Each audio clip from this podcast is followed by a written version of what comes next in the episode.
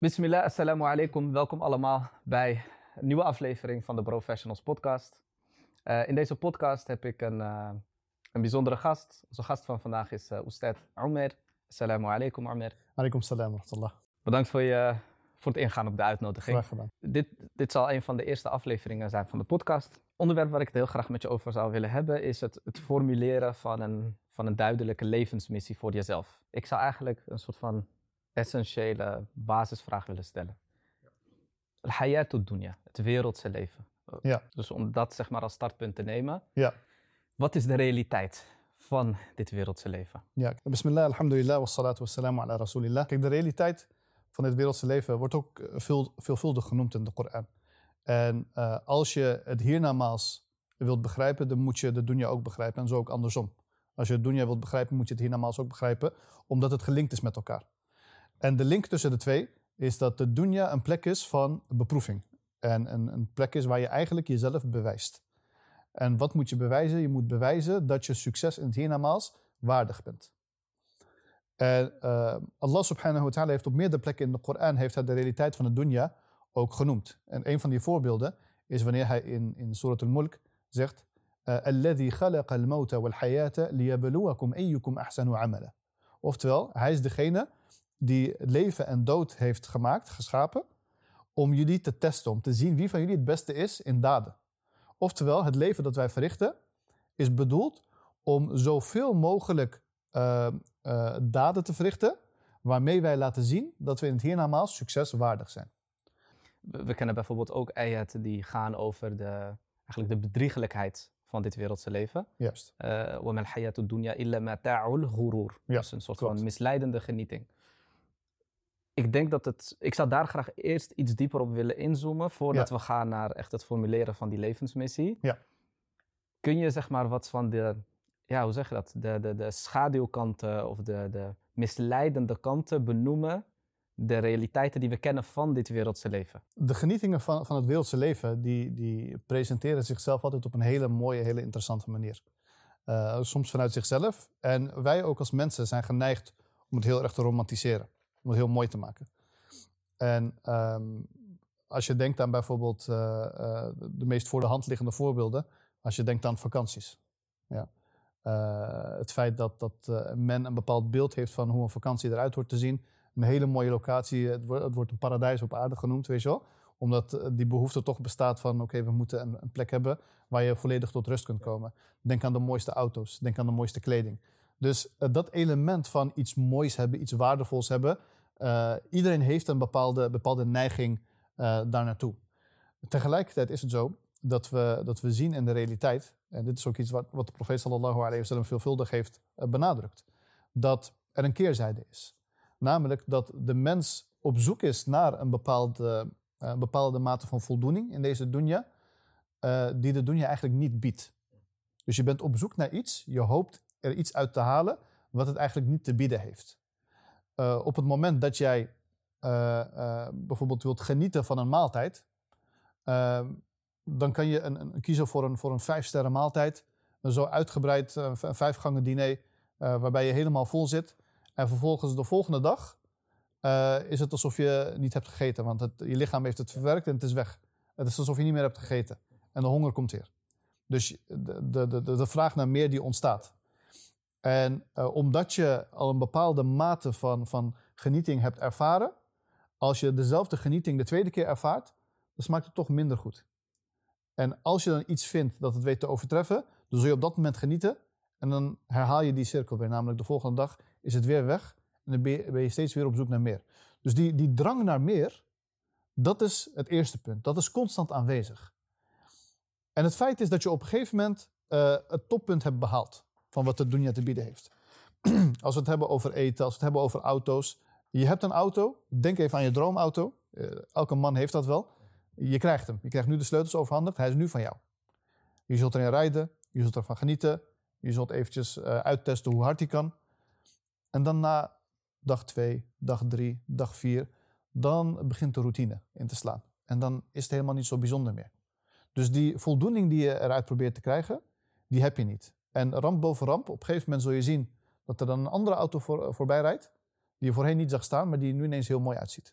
waar je nu gaat streven naar die volgende. Dus die behoefte naar meer, dat zorgt er constant voor dat de voldoening bij de mens ehm, eh, nooit komt. Dat is een van de misleidingen of een van de genietingen waar je in verdwaald kan raken in dit wereldse leven. En ik denk dat dat zeg maar een heel relevant onderwerp is. Vooral omdat, eh, zoals ik net al zei, deze podcast richt zich echt op de, de, de professional doelgroep, de doelgroep die net het werkveld opgaat. Het is ook herkenbaar als ik kijk naar bijvoorbeeld gesprekken die ik dan voer met, met andere professionals die soms ook wat ouder zijn. Eh, en dat ik dan met hen in gesprek ben. En het kunnen dan professionals zijn die gewoon eh, prima geld verdienen, ook een flinke buffer hebben. En dus eigenlijk financieel de ruimte hebben om wat minder te werken en tijd te besteden aan andere zaken. En als ik dan in, als ik die gesprekken dan voer en we hebben het dan over op een gegeven moment van oké, waarom ga je niet wat minder werken en wat zou je dan kunnen doen? Dan komt eigenlijk naar boven dat ze aangeven van ja, maar wat zou ik dan anders moeten doen? Ja. Als ik dan minder ga werken, wat heb ik dan als alternatief? Ja. En ik denk dat dat wel een indicatie is van dat er een soort van hoger doel ontbreekt of een missie ontbreekt waar je voor kan inzetten.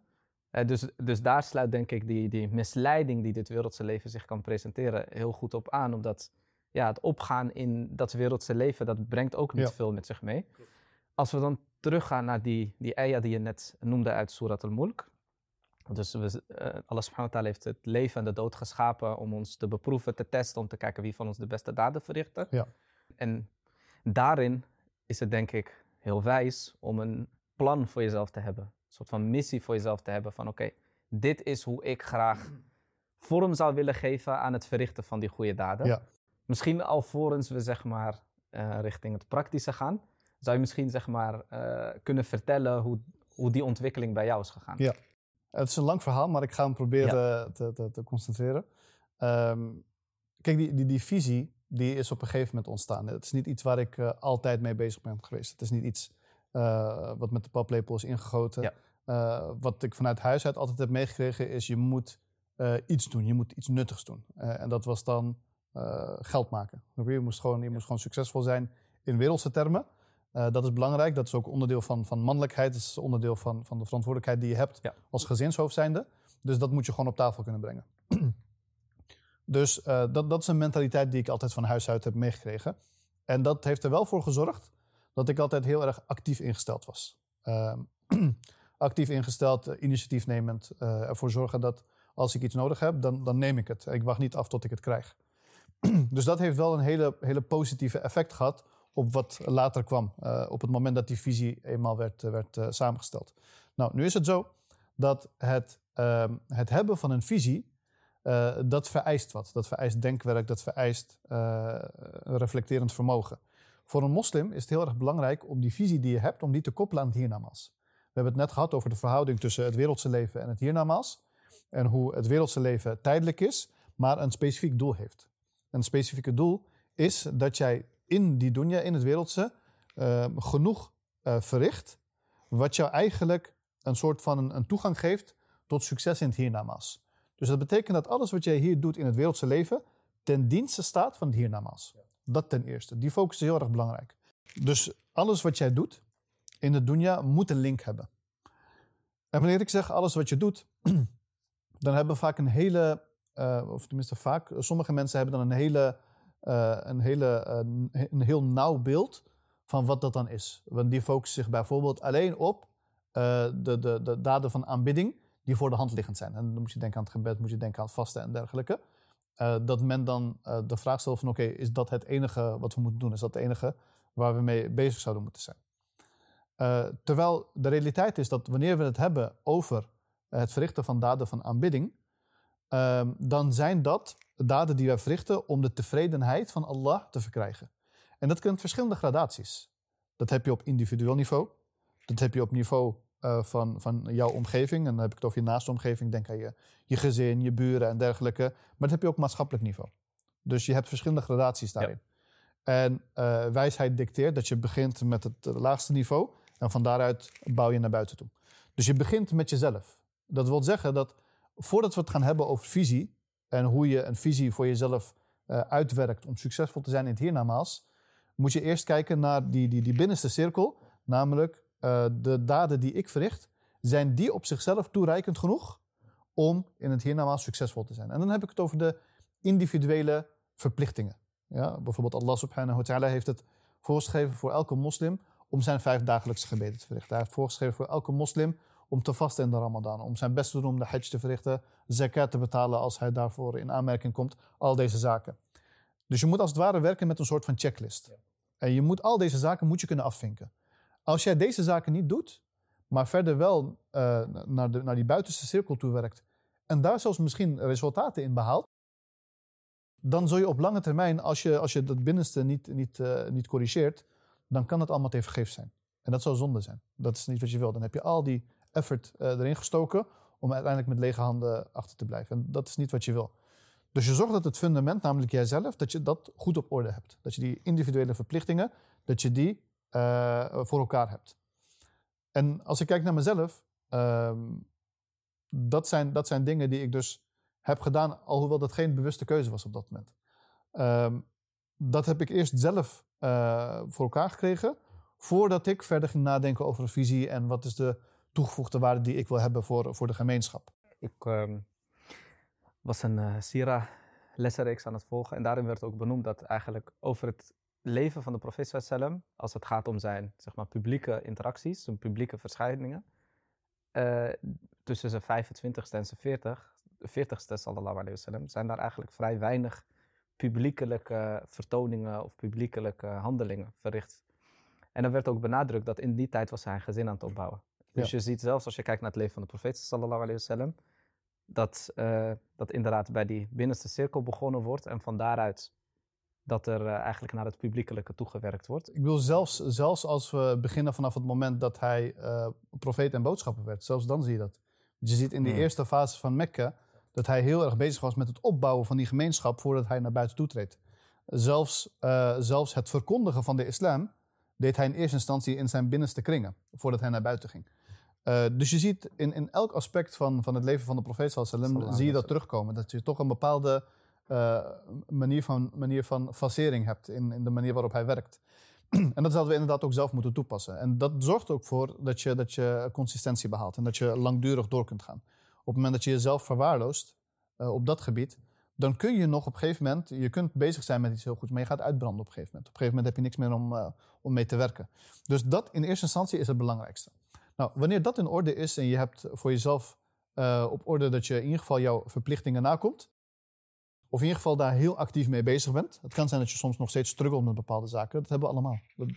Sommige, sommige struggles eindigen niet. Ja. Dus ik zeg niet dat je, dat je eerst perfectie moet behalen en vervolgens doorgaan naar het volgende.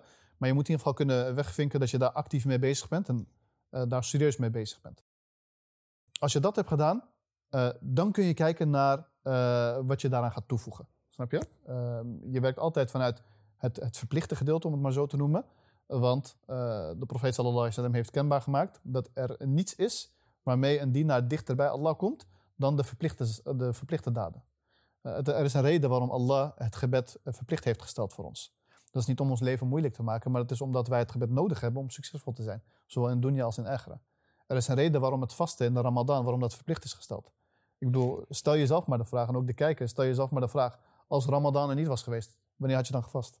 Uh, heb je ooit vrijwillig vasten gehad? Dus er zijn bepaalde daden van aanbidding die juist worden voorgeschreven, zodat je, zodat je ze ervaart, zodat je ze proeft en de voordelen daaruit haalt en kunt gebruiken om Allah nog meer te aanbidden. Maar dan op een manier die minder vanzelfsprekend is. En dat is waar we het net over hadden. Hè? Dat mensen een bepaald beeld hebben van hoe aanbidding eruit ziet. Dan ga je verder kijken, namelijk uh, je hebt de verplichte daden heb je gedaan en dan ga je de aanbevolen daden uh, ga, je, ga, je, uh, ga je verrichten. en je gaat daden verrichten waarmee je steeds dichterbij komt totdat Allah van jou gaat houden. En dat is wat je doet nadat je je verplichting hebt afgerond. Heb je allerlei soorten dingen die je kunt doen om ervoor te zorgen dat je nog dichterbij komt. En dat kunnen zijn aanbevolen daden van aanbidding, eh, van de vanzelfsprekende soort. Dus extra vasten, extra gebeden, extra, een extra hajj of een umrah, noem maar op. Of het zijn bepaalde uh, verantwoordelijkheden die je hebt om jezelf, je omgeving, om de gemeenschap omhoog te liften. En ik denk dat dat uh, het stukje is waar we het vooral over willen hebben vanavond. Nou, die visie, wat ik al zei, die kwam niet vanzelf. er gaat een heel proces doorheen. En er gaat een heel lange periode van, van reflectie gaat doorheen. Want je moet eigenlijk voor jezelf gaan bepalen wat je voor de rest van je leven gaat doen. En het belang daarvan is, is echt essentieel. Uh, ik denk dat uh, een onderdeel van het probleem is dat mensen onderschatten hoe belangrijk het is om een visie te hebben. En je kunt het vergelijken met, ik zet jou nu op het, op het voetbalveld. Ja? En jij stapt het veld op. En vervolgens als je het veld opstapt, geef ik jou de bal en ik zeg, ga maar, doe je ding. Maar je komt tot de ontdekking, jij draagt geen voetbalkleding. Je draagt gewoon je normale kleding. En de andere 21 spelers op het veld, die dragen ook geen voetbalkleding. Die dragen allemaal hun eigen kleding. Oftewel, eh, je hebt geen idee wie voor jou is, je hebt geen idee wie tegen is. Een tweede punt, eh, de scheidsrechter, die heeft ook zijn eigen kleding aan. Dus die is ook onherkenbaar. Hij heeft ook geen fluit of wat dan ook. Dus je hebt ook geen idee van die 21 mensen. Er staan er nu 22, waarvan je weet eentje is de scheidsrechter. Maar wie, weet ik niet. Vervolgens heb je, heb je twee doelen. Maar ik ga je niet vertellen welk doel van jou is en welk doel van de tegenstander is. Dus dit allemaal bij elkaar opgeteld. Jij staat nu met de bal. Wat ga je nu doen? Wat is de volgende stap die je gaat zetten? Je hebt geen idee, al zet je één stap een bepaalde kant op, je hebt geen idee of dat de juiste richting is of de verkeerde richting. En dit is de situatie van een persoon zonder een visie. Dat is hoe hij zijn leven doorbrengt. Elke stap die hij zet is willekeurig en dient geen doel, want hij heeft geen idee wat hij aan het doen is. Hij denkt gewoon aan de, de, de beste volgende zet. En zelfs dat is gewoon blind. Want hoe bepaal je wat de beste volgende zet is? Hmm. Snap je? Hij zal waarschijnlijk puur en alleen kijken naar, oké, daar is een ruimte, dus daar ga ik naartoe. Ehm, en dan zet hij die stap. Maar die stap die hij zet, die zorgt voor een verandering van de situatie. Want die andere 22, die gaan daar ook op anticiperen. Dus die komen die kant op. Wat ga je nu doen? Ga je weer omdraaien. En dan ontstaat daar ruimte. ga je daar naartoe. Dan, blijf dan komen daar mensen. En je blijft bezig. Je dient geen doel. Niemand gaat scoren. Je gaat nergens heen. Aan het eind van de dag eindig je met lege handen. Dus dat betekent dat je al deze zaken, die moet je inkleuren. Je moet voor jezelf bepalen. Je moet bepalen wie staat aan jouw kant, wie staat tegenover jou, wie is de scheidsrechter, welk doel is van mij, welk doel is van de tegenstander, zodat je weet wat je kunt doen. En als je, als je één van die zaken uh, uh, weet in te kleuren, laten we zeggen, we gaan nu uh, gaan we de scheidsrechter inkleuren. Oké, dus nu van die 22 mensen die hier staan, weet je in ieder geval de scheidsrechter te identificeren. Ben je nu een stap vooruit gegaan? Ja ja. stap vooruit. Klein, maar je, bent, je weet in ieder geval, oké, die is niet aanspeelbaar en die houdt het spel in de gaten. Dus je hebt die geïdentificeerd. Dus van alle chaos die je hebt, kun je alvast eentje wegstrepen. Het is heel weinig, maar je kunt in ieder geval wegstrepen. Oké. En dan is de volgende van die andere mensen die op het veld staan. Gaan we eentje voetbalkleding geven. Um, en aan de hand van de kleding die hij aan heeft, kun je in ieder geval bepalen van oké, hij hoort uh, bij dat team. En vervolgens krijg jij voetbalkleding en dan kun je alvast vaststellen, oké, Hoort hij wel bij mij, hoort hij niet bij mij. Dus zo werk je stapsgewijs, ben je bezig met het invullen van al deze zaken om uiteindelijk tot een, een compleet plaatje te komen en te weten welke kant je op gaat. Nou, om dit voorbeeld, om dit nu even toe te passen op, op, op de realiteit, eh, op de praktijk. Wat, wat, zijn de manieren waarop we al die dingen gaan aankleden en inkleuren? Hoe, bepalen we dat? Nou, allereerst, het belangrijkste wat wij uh, als moslims moeten weten, en dat is een herhaling van wat we net zeiden, is het uiteindelijke doel. En het uiteindelijke doel is, wij willen succesvol zijn in het hiernamaals. We willen het paradijs behalen.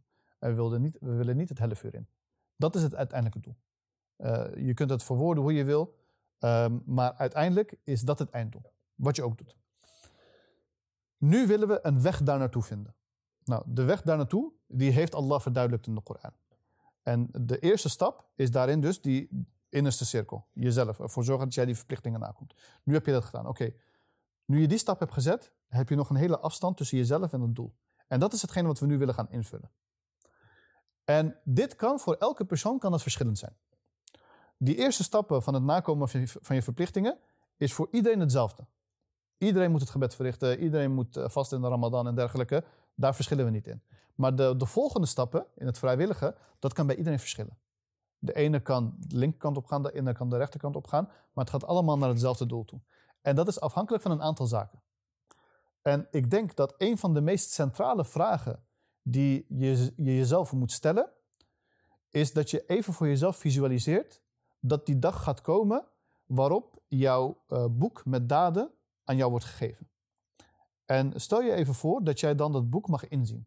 En wanneer je dat boek inziet, dan zul je daar jouw daden zul je daarin vinden. Je zult zowel jouw goede daden daarin vinden die je hebt verricht, en je zult jouw slechte daden daarin vinden. En jezelf de vraag stellen: welke goede daden wil je daarin zien op die dag? Welke goede daden die je daarin zult zien, geven jou het gevoel van vertrouwen en het gevoel van zelfverzekerdheid. Hiermee durf ik mezelf uh, tentoon te stellen tegenover Allah. Als ik deze daden heb staan, dan durf ik tegenover Allah te staan. En als ik daarop mag inhaken, Ja. wat ik ook een heel krachtig idee vind, en natuurlijk ook wel een confronterend idee vind, is dat je voor Allah subhanahu wa ta'ala komt te staan en dat je ondervraagd zal worden. En vaak denken we bij Yom al-Qiyamah aan eh, iets heel transactioneels, terwijl we weten dat we ook ondervraagd zullen worden. En daar alleen al bij stilstaan en ook al nadenken over wat zullen de antwoorden zijn Ja. op de vragen die mij gesteld worden Ja. Zoals we bij een sollicitatiegesprek gewend zijn om te doen, dat we alvast ons voorbereiden op de Ja. vragen die gesteld kunnen worden in dat gesprek. Klopt. En eh, nou, we, we kennen natuurlijk uit de bekende hadith de vijf vragen die gesteld zullen worden. Ja. En een van die vragen is jouw leven en hoe je jouw leven geleefd hebt. Ja. En ik denk dat dat heel goed aansluit bij op dit thema. Zeker weten. Ja. Namelijk, wat is het antwoord dat we dan kunnen formuleren voor wat we wilden bereiken hier op, in, in dit wereldse leven? Ja. En, en dat, dat punt opent nog een onderwerp. Wat, wat, wat nog weer wat, eh, wat meer diepgang eh, eh, aanbrengt. Namelijk, je hebt eh, de vraag die gesteld kan worden: oké, welke daden heb je verricht? Eh, in het goede. En die staan erin. Welke daden heb je verricht in het slechte? En die staan erin. Maar inderdaad, dit soort vragen: hoe heb je je leven geleefd? Wat heb je met je tijd gedaan? Dan zul je jezelf dus ook op een gegeven moment gaan moeten verantwoorden met dingen die jij had kunnen doen, maar niet hebt gedaan. En ik denk dat dat gedeelte nog het meest angstaanjagende is. Want er wordt er niet alleen gekeken naar oké, de daden die je hebt verricht, die je heel makkelijk kunt wegvinken, eh, zowel in het goede als in het slechte, maar het potentieel dat je eigenlijk had en wat je daarmee hebt gedaan. En eh, dat betekent dus dat je niet alleen dient te kijken naar eh, zwart-wit van wat is halal, wat is haram, maar dat je ook dient te kijken naar eh, een, een onderwerp waar we ons allemaal denk ik heel erg schuldig aan maken, namelijk het concept van tijd en het nuttig besteden van tijd daaraan. Want misschien heb je tijd besteed aan iets wat technisch gezien niet haram was. Ja? Ehm, even zonder voorbeelden te noemen. Technisch gezien is het Ja. niet haram. Maar je hebt er dusdanig veel tijd, aandacht, moeite aan besteed. Dat als jij die, eh, die inzet had getoond voor iets nuttigs of voor iets, iets prijzenswaardigs, dat je, dat je helemaal aan aarde had kunnen verzetten. Met, de- met de, de, de effort en tijd die je daarin hebt besteed. En dat dat ook iets is waarvoor je jezelf moet verantwoorden. Ja, want dat, dat is een heel confronterende eh, vraag, die, eh, of een heel confronterend concept van.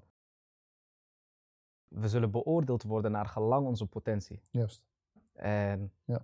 en dan heb je een verschil tussen optimaal en suboptimaal. Ja.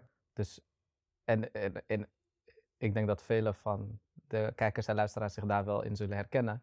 Maar dat je een gevoel hebt van, oké, eh, alhamdulillah, ik heb gewoon, weet je, ik leef Ja. en het gaat. Maar wat is de potentie die ik heb? Ja. En zit daar niet veel meer ruimte? Klopt. En dat is een gevoel waar, waar ik heel veel mee rondloop. Dat ik denk van, Ja. ja, je hebt suboptimaal, je hebt optimaal.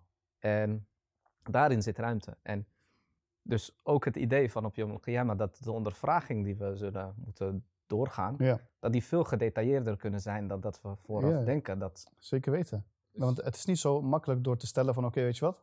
Ik heb eh, al mijn vijf gebeden heb ik gewoon verricht. Ik heb mijn verplichtingen heb ik gedaan, zoals het vast in de ramadan en dergelijke.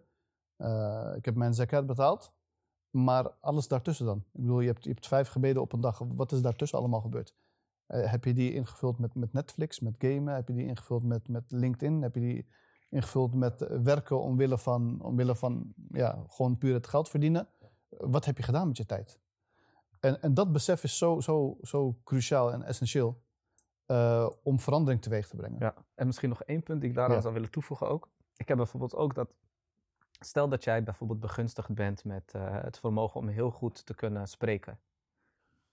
Nou, je, je kunt ehm, zeg maar een, een, een, een persoon zijn die hele grote congressen verzorgt. En je bent de keynote spreker op zo'n congres. En dan kun je denken van, nou oké, ik doe het goed. Ik zet mijn talent in en ik maak er gebruik van. Ja. Maar dan heb je weer het verschil tussen suboptimaal en optimaal. Want ik gebruik hem dan in de soort van carrière context. Ja. Terwijl, wat zou, er, wat zou ik teweeg kunnen brengen als ik dat talent zou inzetten op het gebied van het uitnodigen van anderen Ja. naar dit pad? Ja. En het uitnodigen naar islam. Klopt. En daar zit ook weer een gigantisch verschil tussen suboptimaal en optimaal. Klopt. En ik denk dat daar ook weer die, die levensvisie bij, Ja. een missie bij om de hoek komt kijken van hoe wil ik de, de competenties waarmee ik ben begunstigd, hoe kan ik die optimaal inzetten? Juist, Ja. ja. En eh, hierin zit ook een, een, een, een, een subtiel element, namelijk dat ehm, men bezig kan zijn met iets heel nuttigs inderdaad.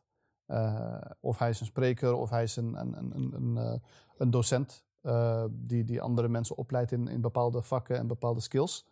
Ehm, en dan ontstaat al heel snel het gevoel van, oké, ik ben goed bezig. Ik ben, ik ben iets nuttigs aan het doen. En dan kun je zeggen, ja, je bent iets nuttigs aan het doen als je het oppervlakkig bekijkt. Maar de vraag is, die skillset die je hebt en die je meegeeft aan een ander, waar gaat die ander het voor gebruiken? Heb je hem puur de skillset meegegeven of heb je hem ook de mentaliteit meegegeven eh, waarvoor hij het moet gebruiken? Namelijk het aanbidden van Allah en het versterken van de gemeenschap en dergelijke. En dat element eh, speelt een centrale rol in het, in het bepalen van jouw visie. Ehm, want ehm, ik denk dat, dat dit een punt is waar heel veel mensen zich in vergissen.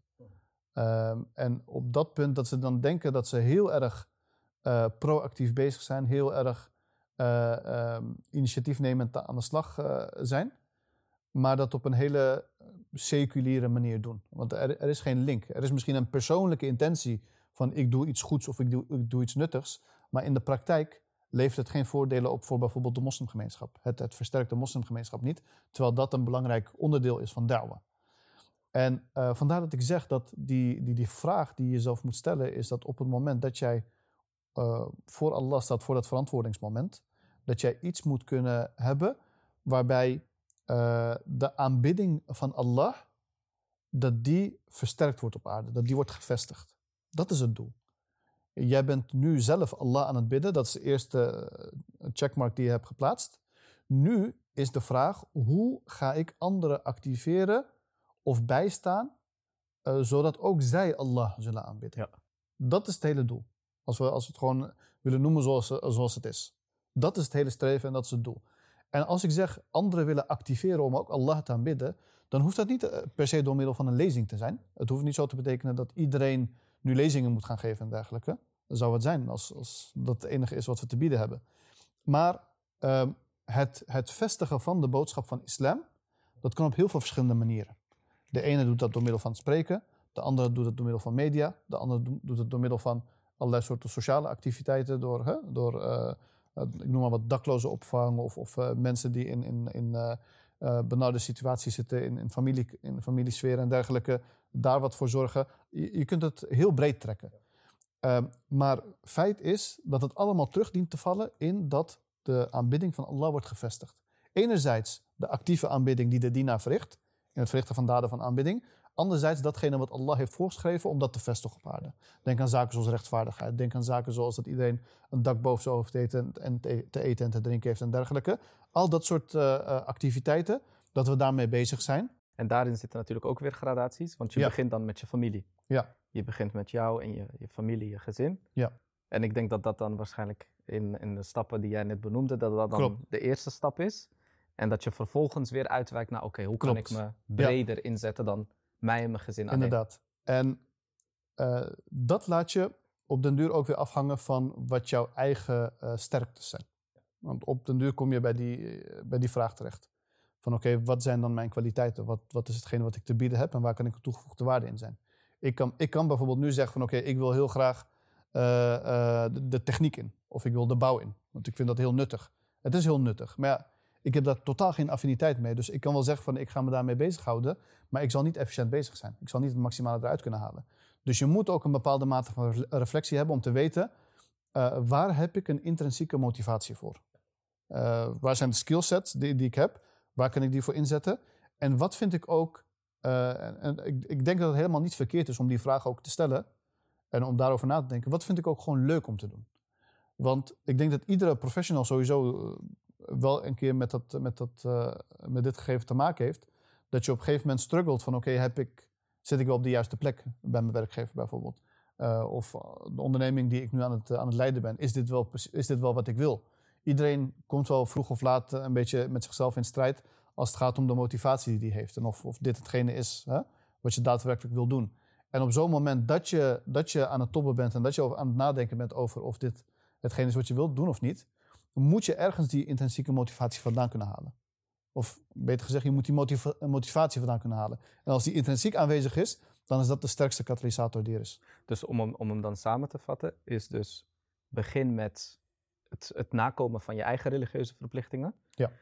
Vervolgens kun je uitbouwen en kijken naar jou en jouw familie en jouw gezin. En hoe je daarin zeg maar eh, ook je verplichtingen natuurlijk nakomt. Want naar je gezin heb je natuurlijk ook verplichtingen. En vervolgens kun je kijken naar wat zijn de competenties die ik heb. De competenties waar Allah subhanahu mij mee begunstigd heeft. En waar ik ook over ondervraagd zal worden. Want ik zal ook ondervraagd worden over hoe heb ik ze ingezet. Klopt. En, ik ga heel even inhaken op dat punt van, van werken ehm, met je gezin. Ja. Uh, want je noemde het in het begin al. En dat, dat, is, dat is ook een, een, een, eh, een, een, eh, een, belangrijk, een belangrijk punt om even op in te zoomen. Omdat dat ook een valkuil kan zijn. Um, een valkuil in die zin, precies zoals je, zoals je noemde, dat sommige mensen, wanneer zij eenmaal het huwelijk instappen, dat ze te maken krijgen met een dip. Waarom? Omdat ze nu een hele concrete verantwoordelijkheid hebben. Verantwoordelijkheid over hun gezin. En dat is een grote verantwoordelijkheid. Alleen die verantwoordelijkheid, eh, we leven tussen twee extremen. De ene blaast die verantwoordelijkheid zo groot op dat dat het enige is wat in het leven dat bestaat. Dat alles moet wijken voor zijn gezin. En dat hij eigenlijk niets meer doet behalve uh, voor zijn gezin er zijn. Dat is het ene extreme. Het andere extreme is dat een persoon zegt van mijn gezin is ondergeschikt aan alles. En alles uh, zeg maar, gaat voor het belang van mijn gezin. Die twee extremen heb je. En daarin moeten we een balans zien te bewaren. Jouw gezin heeft verantwoordelijkheden. Dat betekent dat jij vooral als man zijn, als hoofd van het gezin, jij moet er zijn. Je, je, vrouw moet jou zien. Jouw kinderen die moeten jou zien. Die moeten leren van jou. Die moeten leren van jouw positie als gezinshoofd zijnde. En jij moet de leiding daarin nemen. Jij moet de kar trekken. Tegelijkertijd moet het niet zo zijn dat jouw gezin jou gaat leven. Oftewel, dat jij denkt dat jouw enige doel in het leven is om uh, uh, voedsel op, op, uh, of brood op de plank te brengen, vakanties te regelen, eh, en, en de kinderen naar school brengen, zo nu en dan wanneer je vrouw niet kan. dit soort zaken. Dat jouw leven alleen dit is geworden. En we zien ook in, in, in organisaties, dat het net al over een, over een studentenvereniging. Maar in derde organisaties zien we dat ook. Uh, ik ben al heel lang actief uh, in meerdere derde organisaties. En een van de grootste uitdagingen voor een actief lid van een derde organisatie is het moment dat hij gaat trouwen. Dat is een van de grootste uitdagingen. Waarom? Je weet dat op het moment dat hij gaat trouwen, dan is hij een tijdje spoorloos. Dan zie je een paar weken, een paar maanden is hij even weg. En die, die tijd wil je hem geven, want hij is net getrouwd. Hij wil even zijn, uh, zijn gezin leren kennen en dergelijke. Er is helemaal niks mis mee. Alleen om hem dan weer uit die bubbel te krijgen, dat is een hele grote uitdaging. Of dat kan een hele grote uitdaging zijn soms. En je zult uh, versteld staan om te leren hoeveel mensen uh, eigenlijk ja, verdwaald raken vanaf dat moment. Omdat ze zich helemaal storten op hun huwelijk, op hun gezin en niets anders meer doen. En dan raken ze verstikt in dat leven van oké, mijn gezin is mijn alles. En dan uh, meestal komt er dan een 9 tot 5 baan bij kijken, waardoor je gewoon klem zit. Je kan niks meer. Want 9 tot 5 van maandag tot vrijdag ben ik bezig met mijn, uh, met mijn werk. In de avond uh, moet ik mijn gezin helpen. En weekend is familiedag. Ik moet mijn ouders ook zien. En dan heb je geen tijd meer. Dan is het al klaar. Dus dat is een uitdaging waar heel veel mensen in komen te vervallen. en waar we ook scherp in moeten zijn. Dat we daar idealiter van tevoren al over hebben nagedacht. Uh, in die zin, ik weet niet of je nog kunt herinneren, toen wij inderdaad bij de ISA-podcast zaten, toen stelde je me de vraag op een gegeven moment ook van oké, je wilde naar Egypte toe gaan. Hoe heb je dat nieuws gecommuniceerd naar jouw gezin? Toen vertelde ik jou, dat is iets dat tijdens het gesprek, zeg maar, voordat we gingen trouwen, toen werd het al genoemd. Want dit, dit is wat ik ga doen, dit, dit, dit is wat gaat gebeuren, dit is mijn ambitie. Kun je daarmee leven? Is dat iets waar jij je ook in kunt weten te vinden, zeg maar? Oké, okay, dan gaan we verder. Kun je daar niet in vinden? dan gaat het huwelijk niet door. Uh, dus idealiter is het zo dat je die visie al helder voor jezelf hebt voordat je het huwelijksbootje instapt. Zodat je daar heel helder over kan communiceren. Inderdaad. En uh, niet om te zeggen van ja, de vrouw moet zich maar aanpassen en that's it. Nee, mm -hmm. Dat de twee visies zeg maar uh, gesynchroniseerd staan. Dat jullie beide met de neuzen dezelfde kant op staan en een aanvulling kunnen zijn voor elkaar. Um, en ik wil niet, uh, uh, ik wil degene die al getrouwd is, nu niet in de kou achterlaten door te zeggen van jij bent te laat, nu, nu kan het niet meer. eh, dit soort gesprekken moeten ook thuis gevoerd worden. Want net zoals dat de man die visie moet hebben, moet de vrouw ook haar visie hebben. En die twee visies moeten op elkaar aansluiten. Zodat de man zijn visie kan uitwerken. En meestal is de visie van de man, die is buitenshuis.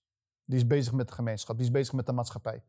En de visie van de vrouw en, en, en, en haar meest uh, waardevolle eigenschap daarin is de enorme mate van steun en toeverlaat die zij kan bieden aan haar man. En ik weet dat we in een tijd leven waarin uh, dit op zichzelf, deze uitspraak kan al omstreden zijn van, uh, weet je wel. Dit is iets wat we, wat we, waar we ons ook niet voor moeten schamen om dat uit te spreken. Uh, en vooral zusters die, die, die eventueel kijken, die zich daar ook niet voor zouden moeten schamen. Want de mate van steun die een vrouw kan bieden, zij moet beseffen dat de steun die zij biedt, dat zorgt ervoor dat alle vruchten die de inzet die haar man bijvoorbeeld toont, dat dat ook voor haar is bestemd. En het beste voorbeeld daarvan is de profeet sallallahu alayhi wa sallam. Er is geen beter voorbeeld dan dat. Kijk naar het voorbeeld dat de profeet sallallahu alayhi wa sallam, toen hij de eerste openbaring kreeg, zijn steun zocht bij Khadija. Dat is de eerste persoon naar wie hij toeging. En zij steunde hem. Zij steunde hem, zij, zij sprak hem zelfvertrouwen toe. Zij, zij sprak uit dat, dat Allah hem niet in de steek zal laten. De uitspraak die de profeet sallallahu zei van, ik vrees voor mijn leven.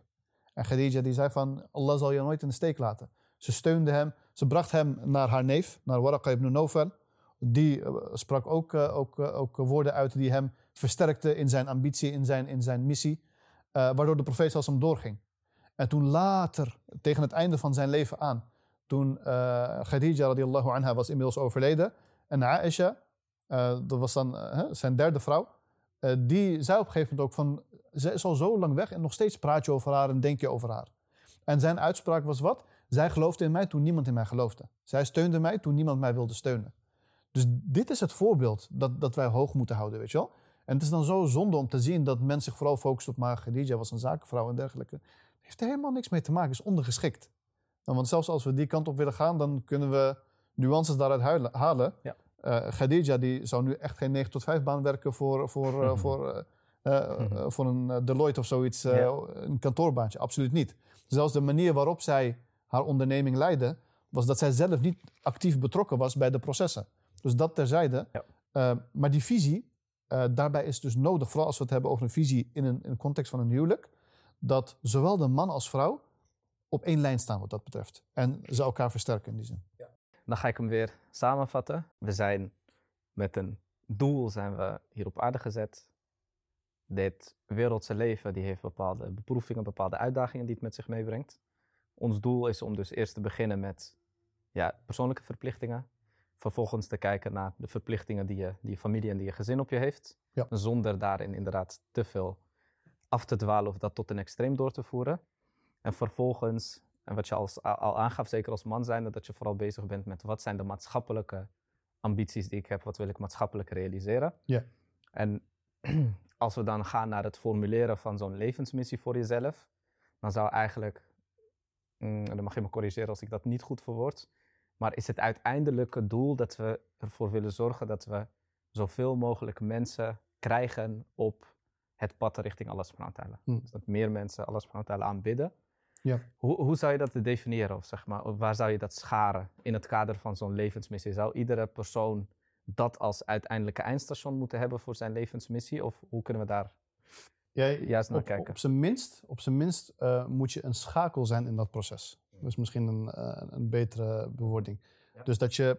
Um, we kijken dan vaak naar het eindproduct, weet je wel. Dat is de, de, de informatiebron. En dat kan een spreker zijn, of dat kan een flyer zijn, of dat kan, kan, uh, kan iets anders zijn. Waarbij de boodschap wordt overgebracht. Dat is wat aankomt bij de mensen en de mensen accepteren die. Maar voor dat product heb je nog een hele, hele keten aan schakels die, die dat mogelijk maken. En daar moet jij een versterking in zijn. Snap je? Dat kan zijn middels jouw geld. Dat kan zijn middels jouw kennis. Dat kan zijn middels jouw expertise of ervaring. Uh, dat kan zijn middels je tijd. Uh, dat kan van alles zijn. Maar je moet een schakel zijn in dat proces wat dat mogelijk maakt. En, ehm, en als ik één toevoeging, ja. dat proces hoeft niet per se te resulteren in dat er iemand uiteindelijk een lezing geeft. Maar nee. kan hem dus, wat je net al aangaf, zitten in een persoon die die uh, behoeftigen helpt, die asielzoekers helpt, die, maar dus ook kan gaan tot lobbyisten in Den Haag die ons ondersteunen. Dat, ja. dat, dat spectrum is heel breed. Dat was heel breed. Ja. Net als dat we net hadden over aanbidding, weet je wel, dat we dat vaak uh, heel nauw weten te krijgen, eh, is dat met da'wa ook zo. Dat wij da'wa, dat we dat alleen zien als zijnde uh, het overbrengen van een boodschap. That's it. Terwijl da'wa veel breder is dan dat. Um, en, en ook veel subtieler dan dat kan zijn. En als we nu gaan dan naar, oké, hoe kan ik als individu uh, werken aan het formuleren van mijn eigen levensmissie en levensvisie? Kun je ons daarin meenemen in wat, wat, wat praktische stappen om daarin zeg maar verder te komen? Ja, ik kan het, be het beste doen denk ik door een beetje uh, mijn eigen proces te bespreken ja. en, en, proberen om je daarin mee te nemen, ja. om wat inzicht uh, daarin te verschaffen. Want ehm, het, het hebben van een visie in, in het leven is iets wat, wat ik net al zei, pas op latere leeftijd bij mij werd geïntroduceerd, om het maar zo te noemen. Um, in die eerste fase was het nog niet zo dat ik, dat ik alles uitgestippeld had. Ik had wel een beetje een beeld van welke kant ik op wilde. Net zoals de meeste mensen dat ook wel hebben. Iedereen heeft wel een beetje een beeld of een streven waar je naartoe wil en waar je wilt staan aan het einde van je leven. Uh, maar om dat concreet te maken, dat zorgt ervoor dat je in staat bent om alle beslissingen waar je voor komt te staan in jouw leven, dat je die makkelijk kunt maken. En om ook alle afleidingen die op jouw pad komen, om die te weerstaan. Uh, dat is eigenlijk het hele doel daarvan. Dat je gewoon ongehinderd door kunt gaan naar jouw streven. En voor mijzelf, um, uh, ik had voor mezelf zo heel, heel snel duidelijk dat uh, die zoektocht, want dat is waar ik in zat, die zoektocht nog naar het praktiseren eigenlijk, uh, dat ik in dat proces heel veel begon te lezen, heel veel begon te leren over de islam. En dat was iets wat, wat mij gewoon heel erg trok. En ehm, het zorgde ervoor dat ik heel veel ging lezen, heel veel onderzoek ging verrichten. En, en dat ging me ook goed af naar omstandigheden. En ik was constant op zoek naar meer. En dat hield niet op bij mijn eigen verplichtingen. Um, vaak is het zo dat als jij iets uh, leest, islam gerelateerd, dat dat dan betrekking heeft op jezelf op dat moment. Weet je, wel? je leest bijvoorbeeld een boek over het gebed, omdat jij wilt leren bidden. Je leest een boek over uh, de Ramadan of de zakat of wat dan ook, omdat jij die handeling wilt gaan verrichten. bij mij was dat op dat moment niet zo ik las ook over dingen en ik, ik, ik, ik, uh, pleegde ook onderzoek naar onderwerpen die op dat moment geen raakvlak hadden met mijn persoonlijk leven. Dus uh, voor mij was al heel snel helder dat ik mijn kennis uh, wilde verbreden en wilde verdiepen in alle aspecten die de islam te bieden had. Ehm, daarnaast hield, er ook, ook, hield ik er ook heel erg veel van om het erover te hebben. Ehm, want een van mijn triggers was het feit dat ik ernaar werd gevraagd op school en op werk over de islam. En dat was in die periode van 11 september, waarin dat allemaal heel erg, uh, heel erg uh, uh, leefde. En ik vergis me trouwens heel erg over hoe relevant 11 september is in het leven van de mensen. Je hebt nu mensen die zijn geboren in 2000, 2001 en zo. Ja, ja, ja. En dat zijn gewoon al volwassenen, die hebben geen idee waar je het over hebt. laten zien hoe snel de tijd gaat, weet je wel. Maar voor mij was dat voor mijn generatie was dat echt het punt dat voor iedereen. weet je wel? al jouw generatiegenoten, dat was een soort dat van was, uh, Dat was de kantelmoment inderdaad, ja. Uh, maar ja, er is nu een generatie uh, die gewoon geen idee heeft waar je het over hebt. Wel? Maar ja, dat, dat, was een periode waarin jouw islamitische identiteit uh, bespreekbaar werd gemaakt in, in het openbare leven. dus dat, dat triggerde mij heel erg. En dat plaatste mij ook in een positie om het er veel over te hebben. dus enerzijds de behoefte en de drive om onderzoek te plegen. En anderzijds om de resultaten van het onderzoek te presenteren. was iets waar ik heel erg gedreven in was. En nog steeds ben tot op de dag van vandaag. Dus voor mij was het uh, was het een 1 plus 1 is 2 uh, kwestie. Dat voor mij heel erg duidelijk was. Ik wil echt de kant op van het verkondigen van de islam. En met de tijd mee heb ik dat verder te weten specificeren. Uh, dus dat is een, een, een kwestie enerzijds van uh, wat vind ik persoonlijk leuk om te doen? Waar ben ik goed in? En ook is er behoefte naar? Dus deze drie punten, dat waren voor mij de punten om te bepalen van oké, dit is de richting waar ik op wil. Uh, en ik had dus toen ook voor mezelf de beslissing gemaakt van oké, okay, dat wil zeggen dat ik geen uh, voldoening ga nemen met uh, simpelweg oppervlakkige kennis hierop doen en that's it. Ik moet verder dan dat. En toen heb ik dus die stap naar het buitenland gezet ja. en dergelijke. Nou, um, dat heeft er dus voor gezorgd dat ik heel veel, um, heel veel obstakels en afleidingen op mijn pad um, wist, wist zeg maar te weerstaan om een voorbeeld daarvan te noemen. Ik weet niet zeker of ik dit, dit had genoemd tijdens de ISA-podcast of niet. Maar dat proces van het sparen van geld om naar Egypte te gaan. Ja. Um, ik had um, heel veel geld gespaard. En op een gegeven moment had ik voldoende gespaard om dus jarenlang in Egypte te blijven. Dus het bedrag dat ik wilde hebben, had ik binnen. Ehm, degene voor wie ik werkte op dat moment, ehm, die wist van mijn ambitie af. Want ik had ook voordat ik daar begon te werken, had ik hem duidelijk gemaakt waarom ik daar werk en wat ik wil behalen. Eh, Dus zo zie je ook maar weer, eh, het is nu onbewust dat ik het noem, dat zelfs op mijn eh, professioneel, professioneel, vlak, dat mijn ambitie daarin verwerkt zat en mijn werk stond ten dienste van mijn ambitie en niet andersom.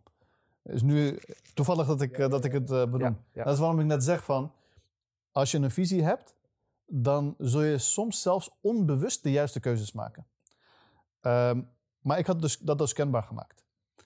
Nou, eh, ik had nu mijn doel had ik, eh, behaald.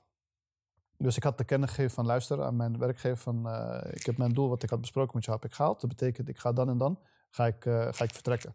En dat was volgens mij een kwestie van, ze- van zes maanden tijd of zo. Dat is de tijd die ertussen zat. En dan ga ik weg. Nou, ik had me op dat moment had ik me min of meer, ik wil niet zeggen onmisbaar of onvervangbaar. Iedereen is vervangbaar.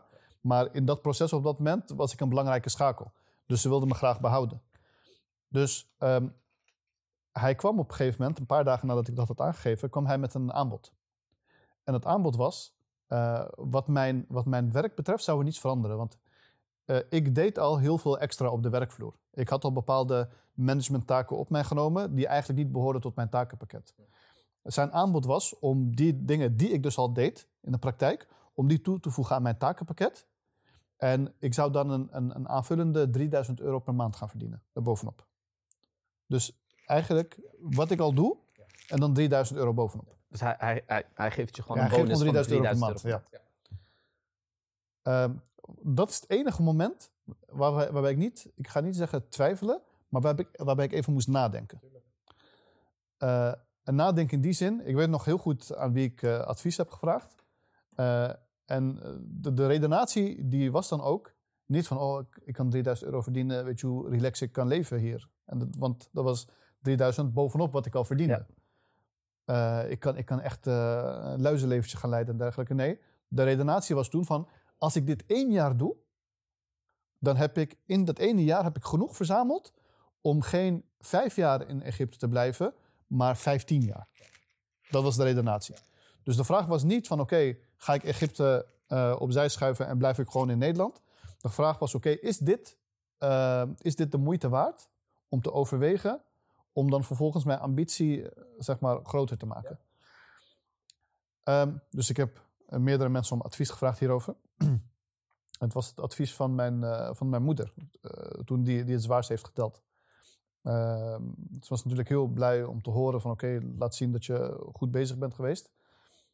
Toen zei ze van maar eh, wat dan als volgend jaar die 3000, 4000 wordt? Ga je dan zeggen dan wordt die 15 jaar 20 jaar? Eh, en daarna wordt dan die 20 jaar 25 jaar? Wanneer houdt het op? Jij had een ambitie gesteld, je had een doel gesteld voor jezelf. Dat doel heb je gehaald, nu kun je gaan. Alles wat daar nu bovenop komt, is niets, minder, is niets, meer of minder dan een afleiding. Dus dat is eh, uiteindelijk het advies geweest dat het zwaarst heeft geteld. Ik heb ook andere adviezen gehad. Ik heb ook adviezen van vrienden gehad die zeiden van nee, doe het. Blijf hier voor een jaartje en dan kun je nog langer weg. Dus uiteindelijk heb ik gezegd van oké, weet je wat? Eh, moeder heeft in deze gewoon gelijk. Ik heb het aanbod afgewezen en ik ben vertrokken. Ehm, nou, waarom vertel ik dit? Om te laten zien dat als je eenmaal heel helder voor jezelf hebt welke kant je opgaat, dat dit soort eh, belangrijke vragen, dat je die vrij makkelijk eh, weet te beantwoorden. En je zult altijd in een positie zijn waar je advies moet vragen. Het is niet zo dat als je je visie helder hebt, dat je nooit meer in je leven advies hoeft te vragen. Je vraagt altijd rond en je vraagt altijd advies van mensen die ervaring hebben, of die gewoon wat wijzer en ouder zijn dan jij, om te weten wat verstandig is. Maar het, het is op geen enkel moment een afleiding voor mij geweest. Of een aanleiding geweest om te zeggen van oké, is Egypte wel de juiste weg voor mij? Uh, want zelfs het overwegen van het aanbod was met als doel van oké, dan kan ik langer daar blijven. Uh, dus dat was iets wat ik heel snel uh, zeg maar kon uitschakelen, heel snel opzij kon schuiven. Waar, waarbij ik ben overtuigd dat als ik die visie niet had gehad, en deze vraag was mij gesteld misschien twee jaar daarvoor, dan was ik daar volop gegaan en dan had ik, dan had ik mijn plan de deur uitgegooid, bij wijze van spreken. En heb jij in een, een formuleren toen van jouw levensmissie en visie, zeg maar, uh, ondersteuning gehad, een mentor gehad, iemand gehad die jou daarbij hielp? Of is het bij jou in die zin organisch gegaan, omdat wat je al aangaf, dat, dat het je interesses heel erg lag? En Als dat het geval is geweest, wat zou dan je advies zijn voor iemand die niet zeg maar de, hoe zeg je dat? Het duidelijke pad wil nagaan van Ja. ik wil een spreker worden. Maar ik, ik, ik, ik merk gewoon dat ik bepaalde competenties heb die ik in het professionele veld heel goed kan inzetten. Eh, maar ik, ik, ik weet nog niet zo goed hoe ik dat nou kan vertalen naar Ja. een, een, een levensmissie. Ja. Eh, wat zou daarin zeg maar adviezen zijn die, je- die je meegeeft? Ja, kijk, de, de richting die ik had gekozen, die, eh, die, die zat er al. Alleen, eh, ik heb inderdaad een, een, een mentor gehad. Dat is dan uh, Sheikh Heten met, Ja. uit Engeland. Die dat heel erg heeft versterkt. En mij ook op bepaalde momenten heel erg scherp heeft gehouden. Vooral, vooral in, in Egypte toen, toen ik daar eenmaal zat. Eh, in mijn aanpak daar is dat een, een, hele, een hele versterking geweest van, van eh, mijn, mijn praktische doelen daar. Ehm, dus wat dat betreft heeft hij echt ge- gefungeerd als een katalysator. Eh, het idee was er en hij heeft het echt naar een next level gebracht. Dus dat is misschien al meteen een eerste advies. Zoek een Juist. mentor op. Zoek een mentor op. Een mentor die ook relevant is voor datgene wat je voor ogen hebt. Want ik heb, ehm, ik heb, ik heb vaker eh, eh, mensen gehad die, die ik om eh, advies vraag. Ehm, ik ga natuurlijk geen namen noemen, maar ik heb bijvoorbeeld ook een keer advies gevraagd op vlak van ondernemerschap aan iemand die heel erg theolo- theologisch was onderlegd. Eh, maar ik merkte dan ook aan het advies dat ik krijg dat ik daar eigenlijk eh, niet veel mee kon. Ehm, en goed, eh, dat is dan aan mij te wijten, want ik vraag een, een professionele ondernemersvraag. vraag ik als het ware aan een, aan een, ja, een theoloog. Ja, ja. Dat is niet zijn expertise, dus dat is niet de vraag die ik aan hem moet stellen, snap je?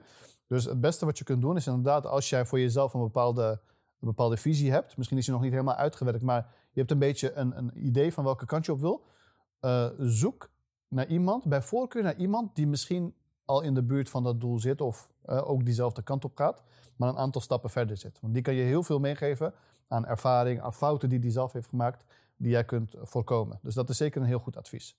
Ehm, en wat betreft het zelf formuleren van een advies, eh, besef ook dat dat altijd kan, kan eh, je kunt het altijd tweaken, weet je wel? Eh, onderweg kun je altijd verder specificeren of net een, een ander, ander wegje, ander zijwegje nemen. En dat is ook geen probleem. Zolang het maar wel één kant op gaat, snap je? Het moet niet zo zijn dat je kiest voor een bepaalde richting. En je start nu bijvoorbeeld een bacheloropleiding. En in jaar twee denk je van, nee, weet je wat, dit is toch niet, ik ga een hele andere richting op. Want dan heb je die twee jaar heb je verspild. Dus je moet wel voor jezelf heel helder hebben eh, waar het einddoel zit, Ja. zeg maar. Je moet dat, die punt aan de horizon moet je wel kunnen zien. Dat uiteindelijke punt, dat zie je daar dan wel, hoe, hoe dichtbij je bent. Eh, maar je moet wel de juiste richting op gaan. Dat is een beetje te vergelijken met de, de qibla, de gebedsrichting. Weet je wel? We, we bidden eh, richting de Kaaba. Eh, maar als wij vanuit hier, vanuit Nederland, als wij nu een bepaalde richting op bidden, het is wel richting de Kaaba. Maar als je de exacte richting zou, zou aanhouden en we, gaan, we gaan vanaf hier gaan we reizen naar de Kaaba toe, dan eindig je misschien in Jemen, bij wijze van spreken, omdat die richting afwijkt. Ja. Dus je wijkt honderden kilometers af. Maar dat is niet het punt. Het punt is dat je hier wel die richting op gaat. Dat is beter dan dat je nu richting Washington aan het, aan het bidden bent. En wat ik daar ook krachtig aan vind, is dat eh, we weten natuurlijk dat de daden worden beoordeeld op basis van de intentie. Ja. En het kan zo zijn dat, eh, dat voor ons een heel kort leven is voorgeschreven. Ja. En dat, dat, dat, dat ik bij wijze van eh, over een week, zeg maar, eh, kom te overlijden. En ehm, op het moment dat ik een sterke levensmissie heb geformuleerd voor mezelf. En eh, ik kom voor Allah subhanahu wa ta'ala te staan en ik presenteer wat mijn intentie was voor de Ja. rest van mijn leven. Kan het zomaar zo zijn dat Allah subhanahu wa ta'ala mij de, de hasanat geeft, de Zeker goede weten. daden. Ja. Of de, de beloning geeft voor wat mijn intentie was. Zeker weten. En ik denk dat dat ook weer zeg maar, de, de noodzaak, urgentie, belang laat zien van het hebben van zo'n levensmissie. Zodat je een duidelijke intentie hebt die je kunt formuleren. Inderdaad, helemaal mee eens. Zeker weten. Dat, dat, dat, dat eh, versterkt inderdaad alleen maar het idee dat wanneer jij alvast die stappen hebt gezet, dat eh, de voortgang van die stappen, zelfs op het moment dat het wordt onderbroken door de dood bijvoorbeeld, of door een ziekte of wat dan ook, dat die stappen, die, die stappen verder blijven gezet worden. Ja, in ieder geval als het gaat om de beloning daarvan. Ehm, dus die, die, die, die praktische uitwerking van een visie ehm, eh, vereist eh, dat je in, eerste instantie ermee aan de slag gaat. Dat je erover nadenkt.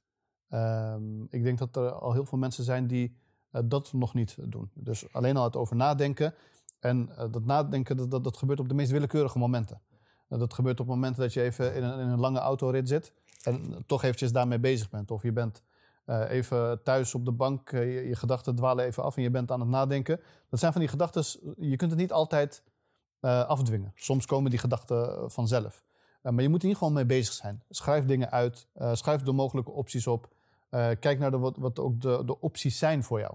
Soms kan het zijn dat je een bepaalde richting op wilt gaan, maar je hebt de faciliteiten er niet voor. Ja? bijvoorbeeld iemand die zegt van oké, ik wil heel graag ehm, een bepaald doel behalen. Ik wil ehm, een groot geleerde worden. En ik noem steeds dat voorbeeld, omdat het heel erg in mijn straatje past. Dus voor mij is het heel makkelijk om daar voorbeelden ja, voor in te ander, Ik wil media maken, maar ik, ik heb nog geen camera's. Ja. Ik heb nog geen camera's of wat dan ook. Uh, er moet een balans zijn tussen enerzijds het hebben van een hoog streven en doorzettingsvermogen van ik ga het realiseren. Anderzijds moet er ook een bepaald realiteitsbesef zijn dat je, uh, dat je niet alles kunt doen. Dat zeg ik niet om te demotiveren, maar dat zeg ik dat je je ambitie wel op, de juiste, op het juiste niveau hebt. Uh, op het moment dat jouw ambitie, als die uh, te laag ligt en te makkelijk te behalen is, uh, dan zal het demotiverend zijn. Dat zal ervoor kunnen zorgen dat wanneer het binnen handbereik is, dat je het al laat vallen, want je bent er al bijna. Snap je? Dus die drive van, oké, ik moet nog stappen zetten, die moet er zijn, want dat zal jou motiveren om verder het verder te gaan.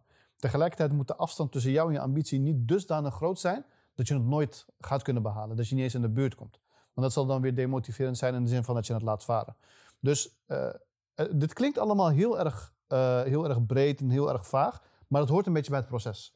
Want je moet die vraag aan jezelf kunnen stellen. Ja, en, en dat vind ik ook wel mooi dat je dus net ook benoemde van wees bezig met het onderwerp. Ja. Want uh, heel eerlijk, voor mij is hij ook nog niet helemaal gefine-tuned. Ik, ja. ik heb wel een idee, maar het is nog niet gefine-tuned. En ook als ik met mensen praat die wat ouder zijn dan ik, krijg ik ook het advies van begin gewoon. Ja. Zet stappen in die richting. En uh, het exacte eindpunt zal zich ook ontvouwen. Maar zorg in ieder geval dat je die intentie hebt voor jezelf en zet stappen al in die richting. Ja. En deze podcast is daar een voorbeeld van, die draagt eraan bij. Ik weet ook nog niet precies waar ik wil eindigen, maar ik weet wel dat ik deze kant op wilde. En Klopt. Ik denk wat je zegt, um, je hoeft er nog niet, uh, zeg maar, uh, jezelf uh, ja, heel schuldig te voelen op het moment dat die nog niet helemaal geformuleerd is. Ja. Zolang, je het maar, zolang het maar een actief en levend thema blijft waar je, waar je mee bezig bent. Inderdaad. Ja. Ik, ik merk dat ook aan mezelf. Dat ook ik, ik had laatst nog, was een paar weken geleden, was ik in, in Medina. Ja. En ik was daar met een, met een broeder samen op reis, ook gewoon uit Nederland, een goede vriend van mij. Uh, waar ik dit gesprek ook met hem over had. En dat is ook een belangrijk uh, iets. Uh, maak het ook bespreekbaar in jouw vriendenkring. Zorg dat dit de thema's zijn. ze zeggen wel eens van waar je mee omgaat, raak je mee besmet. Zorg ervoor dat jij dit soort thema's erin gooit, zodat ook jouw vriendengroep groot denkt en met grote dingen bezig is. maar waarom ik dat voorbeeld aanhaal, is omdat ik ook met hem aan het sparren was over bepaalde dingen waar, waar ik mee zat. Nou, die vriend van mij, hij is jonger dan ik, hij heeft minder ervaring dan ik, hij zit niet in dezelfde branche als ik als het gaat om visie.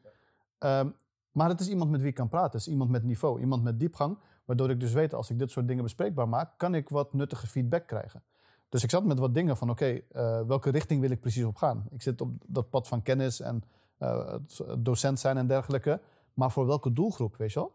Uh, ik bedoel, het is voor veel mensen is het geen geheim dat ik me heel erg richt op de jongeren. en dat betekent dat, dat de boodschap die je overdraagt vooral laagdrempelig moet zijn maar dat ook de vorm waarin je het verpakt, dat die relevant is. En dat, dat brengt eh, bepaalde gevolgen met zich mee. Namelijk dat je je soms uit je comfortzone moet halen, jezelf uit je comfortzone moet zetten, om zo een bepaalde geloofwaardigheid te krijgen bij de doelgroep en die boodschap over te brengen. Uh, om maar een voorbeeld te nemen. Laten we gewoon heel eerlijk, wat het over open en eerlijk ja, zeker, zijn. Zeker. Ik heb jou uh, de vraag gesteld toen ik hier naartoe kwam, uh, toen je mij uitnodigde. Uh, moet ik in kamis komen of moet ik in, in, in uh, vrije tijdskleding komen? Ja. Toch? Ja. Dat is een hele, voor mij is dat een hele, uh, een hele belangrijke vraag, omdat het heel erg bijdraagt aan, aan hoe ik mezelf neerzet als persoon. Ja. Dat zijn van die dingen waar ik toch over moet nadenken. Want ik weet met, met deze kleding aan, als het gaat om een van de jongeren van de straat, hier heb ik een, dit zorgt voor een bepaalde binding die ik met hem heb. Snap je? Terwijl als ik in kamis op hem zou afstappen of met hem zou praten, zorgt het voor een bepaalde afstand. En niet te zeggen dat die afstand slecht is. Soms is die afstand juist goed. Want het kan een gezonde afstand zijn qua status, om het maar even zo te noemen. Um, maar dat zijn van die relevante dingen uh, waar ik mee zit. Um, en dat zijn van die dingen die bij mij heel erg een rol spelen van die visie die ik heb uitgewerkt voor mezelf. waar gaat die eindigen? Ga ik me focussen op echt die jongeren? Dat betekent dus dat ik zelfs details met betrekking tot hoe ik eruit zie, dat moet gaan aanpassen daaraan. Of ga ik me richten op nee, de serieuze studenten en het moeten echt inhoudelijke sterke lessen worden en dergelijke. Dat, dat, is, de, de, dat is de doelgroep waar ik me op ga richten. Dan moet ik me weer wat anders gaan opstellen. Dus het hebben van die visie beïnvloedt de kleinste details, moet je je voorstellen, tot aan de kleding die, die je draagt tot aan toe. Dus uh, dat je dat allemaal nog niet uh, eh, 100% op scherp hebt, is, is niet erg. Alleen praat erover, voer die discussie. En zorg ervoor dat je met, met de mensen om je heen ja. dus die discussie ook voert. Ja. En misschien dan nog een, een, een laatste punt hierbij is dat zorg natuurlijk dat je band met Allah subhanahu goed is en blijft. En dat je die onderhoudt en daar, daar tijd en energie in steekt om die goed te houden. Omdat um, we allemaal weten dat leiding is afkomstig van Allah subhanahu wa ta'ala, hebben we niet zelf in de hand. Ja. En um, ja, ik denk dat dat ook een geruststelling is die ik mezelf dan geef als ik zeg maar, over dit thema nadenk en met dit thema bezig ben. Omdat uh, je hebt het misschien nog niet helemaal gefine-tuned, maar zorg gewoon dat je in dat proces, terwijl je daarmee bezig bent, dat je die band onderhoudt. Ja. Dat je probeert alles tevreden te stellen, zodat je ook de leiding ontvangt in dat proces. Klopt. Omdat op de juiste manier vorm te kunnen geven. Ja, inderdaad. Um, en, dus dat is dan ook een belangrijk component daarin. Hè? Zorg dat je die, die band onderhoudt ja, in dat zeker proces. Ja, ja. Daar heb, ik, heb ik niks aan toe te voegen. Dat, ja. dat, dat, is inderdaad, dat is waar we mee begonnen inderdaad. En dat ook goed om daarmee te eindigen inderdaad dat uh, succes komt met Allah. En het proces van uh, het veelvuldig vragen aan Allah en dua verrichten, dat Hij jou bijstaat in, jou, in de stappen die je zet naar jouw visie toe, uh, is essentieel. Um, en het kunnen hele specifieke, concrete smeekbeden zijn die je vraagt. Weet je wel? Ik bedoel, als we het hebben over het memoriseren van de Koran, het leren van de Arabische taal, het, het beheersen van bepaalde boeken of wat dan ook.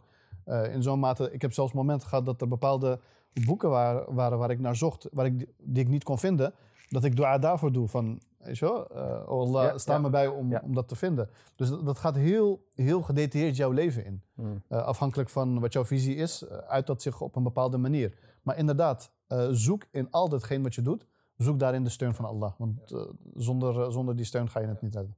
En, en, misschien kan je ook wel stellen dat eigenlijk dat, dat, dat proces waarin we nadenken daarover, het, het, zeg maar, het, het komen op een formulering van die missie en visie is niet iets zelfverworven. Ja. we doen gewoon wat inspanning met de hoop dat Allah ons inderdaad die tawfiq schenkt om weet je, iets, iets te vinden. Dus eigenlijk doen we gewoon wat, wat pogingen. Ja. En we planten gewoon wat zaadjes. Maar Klopt. uiteindelijk de bloei ervan is niet in onze handen, is niet zelf verworven. Zeker Ik, ja. ik zeg altijd, uh, Allah subhanahu wa ta'ala heeft, heeft die belofte al gegeven dat de islam zal zegevieren, zal succesvol zijn. Dus dat betekent, het eindresultaat is al bekend. Uh, het enige wat, uh, wat nog moet gebeuren, wat zijn, wat zijn uitloop moet hebben, is wie gaat wat doen. En dat is, de, dat is hetgeen wat we nu proberen. Dat wij op die juiste posities worden gezet zodat wij die pioniers zijn uh, waarover Allah spreekt als hij zegt dat hij tevreden met hen is. En dat is waar we naar streven. Dus daarin doe je je best. Vraag je Allah om ervoor te zorgen dat jij diegene wordt. Uh, en ik vond een hele, een hele interessante uh, uitspraak die een van de, een van de geleerden deed. Het was een, een docent aan de Universiteit van Medina, als ik me niet vergis. Een van zijn studenten die vertelde het verhaal dat, dat die geleerde, hij was aan het vertellen over de hadith dat er elke 100 jaar een mujaddid wordt gestuurd. Ja? Um, dus elke 100 jaar wordt er een persoon gestuurd door Allah. en dat is een normaal persoon, normaal in de zin van zoals jij en ik, ja. uh, maar die zo'n positie weet te verkrijgen uh, dat hij de, de, de islam uh, niet hervormt, niet tot leven wekt, maar hij weet een wake-up call teweeg te brengen ja. onder de mensen. Elke 100 jaar is er zo iemand. En uh, dat op een gegeven moment, uh, als ik me niet vergis, stelde die docent de vraag aan uh, de studenten van oké, wie denken jullie dat het wordt dit jaar? Wie, wie, waar denken jullie aan als jullie denken aan deze hadith? En dat al die mensen, al die studenten, dachten aan anderen. Van oh, misschien die, misschien die, misschien die. En niemand dacht, ik wil diegene worden. En dat diegene zelf die stappen zet. En dat was de les die, dus, die Sheikh meegaf van streef naar het hoogste. Snap je? Uh, Allah bepaalt aan het eind van de dag wie het gaat worden en wie die positie uh, zeg maar tot zich gaat nemen. Maar jij moet de stappen zetten, streven naar het hoogste, de hulp van Allah uh, daarbij vragen en ervoor werken. En inshallah zul je daarvoor beloond worden. Waar geloof ik. Zeker eh, warkelen. denk ik een eh, mooie afsluiter. Eh, ik wil de kijkers en luisteraars bedanken. Eh, abonneer vooral op, eh, op alle kanalen. En eh, tot de volgende keer. Assalamu alaikum wa rahmatullahi wa barakatuh.